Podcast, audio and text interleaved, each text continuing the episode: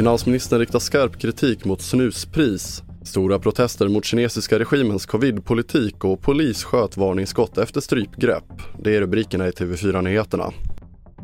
Men vi börjar med att finansministern riktar skarp kritik mot EUs planer på att chockhöja priset på snus. Sverige kan tvingas behöva höja skatten på snus ordentligt vilket kan leda till ökade snuspriser, cirka 60 kronor för lösnus och cirka 30 för portionssnus enligt ett läckdokument som Aftonbladet tagit del av. Det som beskrivs här är ett orimligt förslag, skriver finansminister Elisabeth Svantesson på Twitter.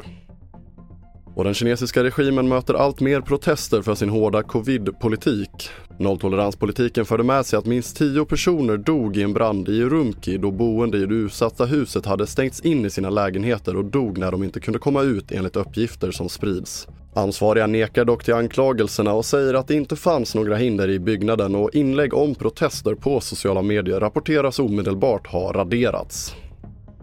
Vi fortsätter med att polisen har avfyrat ett varningsskott i samband med en dramatisk biljakt efter ett inbrott i Kista galleria norr om Stockholm nu på morgonen. Fyra gärningsmän i 25-årsåldern tog sig in i gallerian och när de flydde i två bilar prejades en bil och en annan körde av vägen.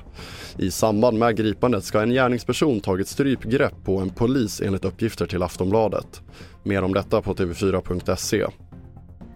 Och vi avslutar med att skarp kritik riktas mot Tidöavtalets lagförslag som säger att anställda inom kommuner och myndigheter ska rapportera människor utan uppehållstillstånd till polisen och Migrationsverket.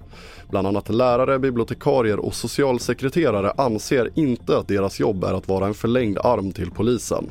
Jag tänker utifrån bibliotekslagen och paragraf 2, där står det att biblioteksverksamhet ska vara tillgänglig för alla. Så där tycker jag att det här krockar. Och sen är det frågan om, är det här en sak för biblioteken och inte för polisen och Migrationsverket? Vi är nog rätt så eniga att det här kommer nog inte vi på biblioteken att eh, göra, att anmäla någon. Det sa Maj Eriksson, bibliotekschef. Fler nyheter hittar du på tv4.se. Jag heter André Metenen Persson.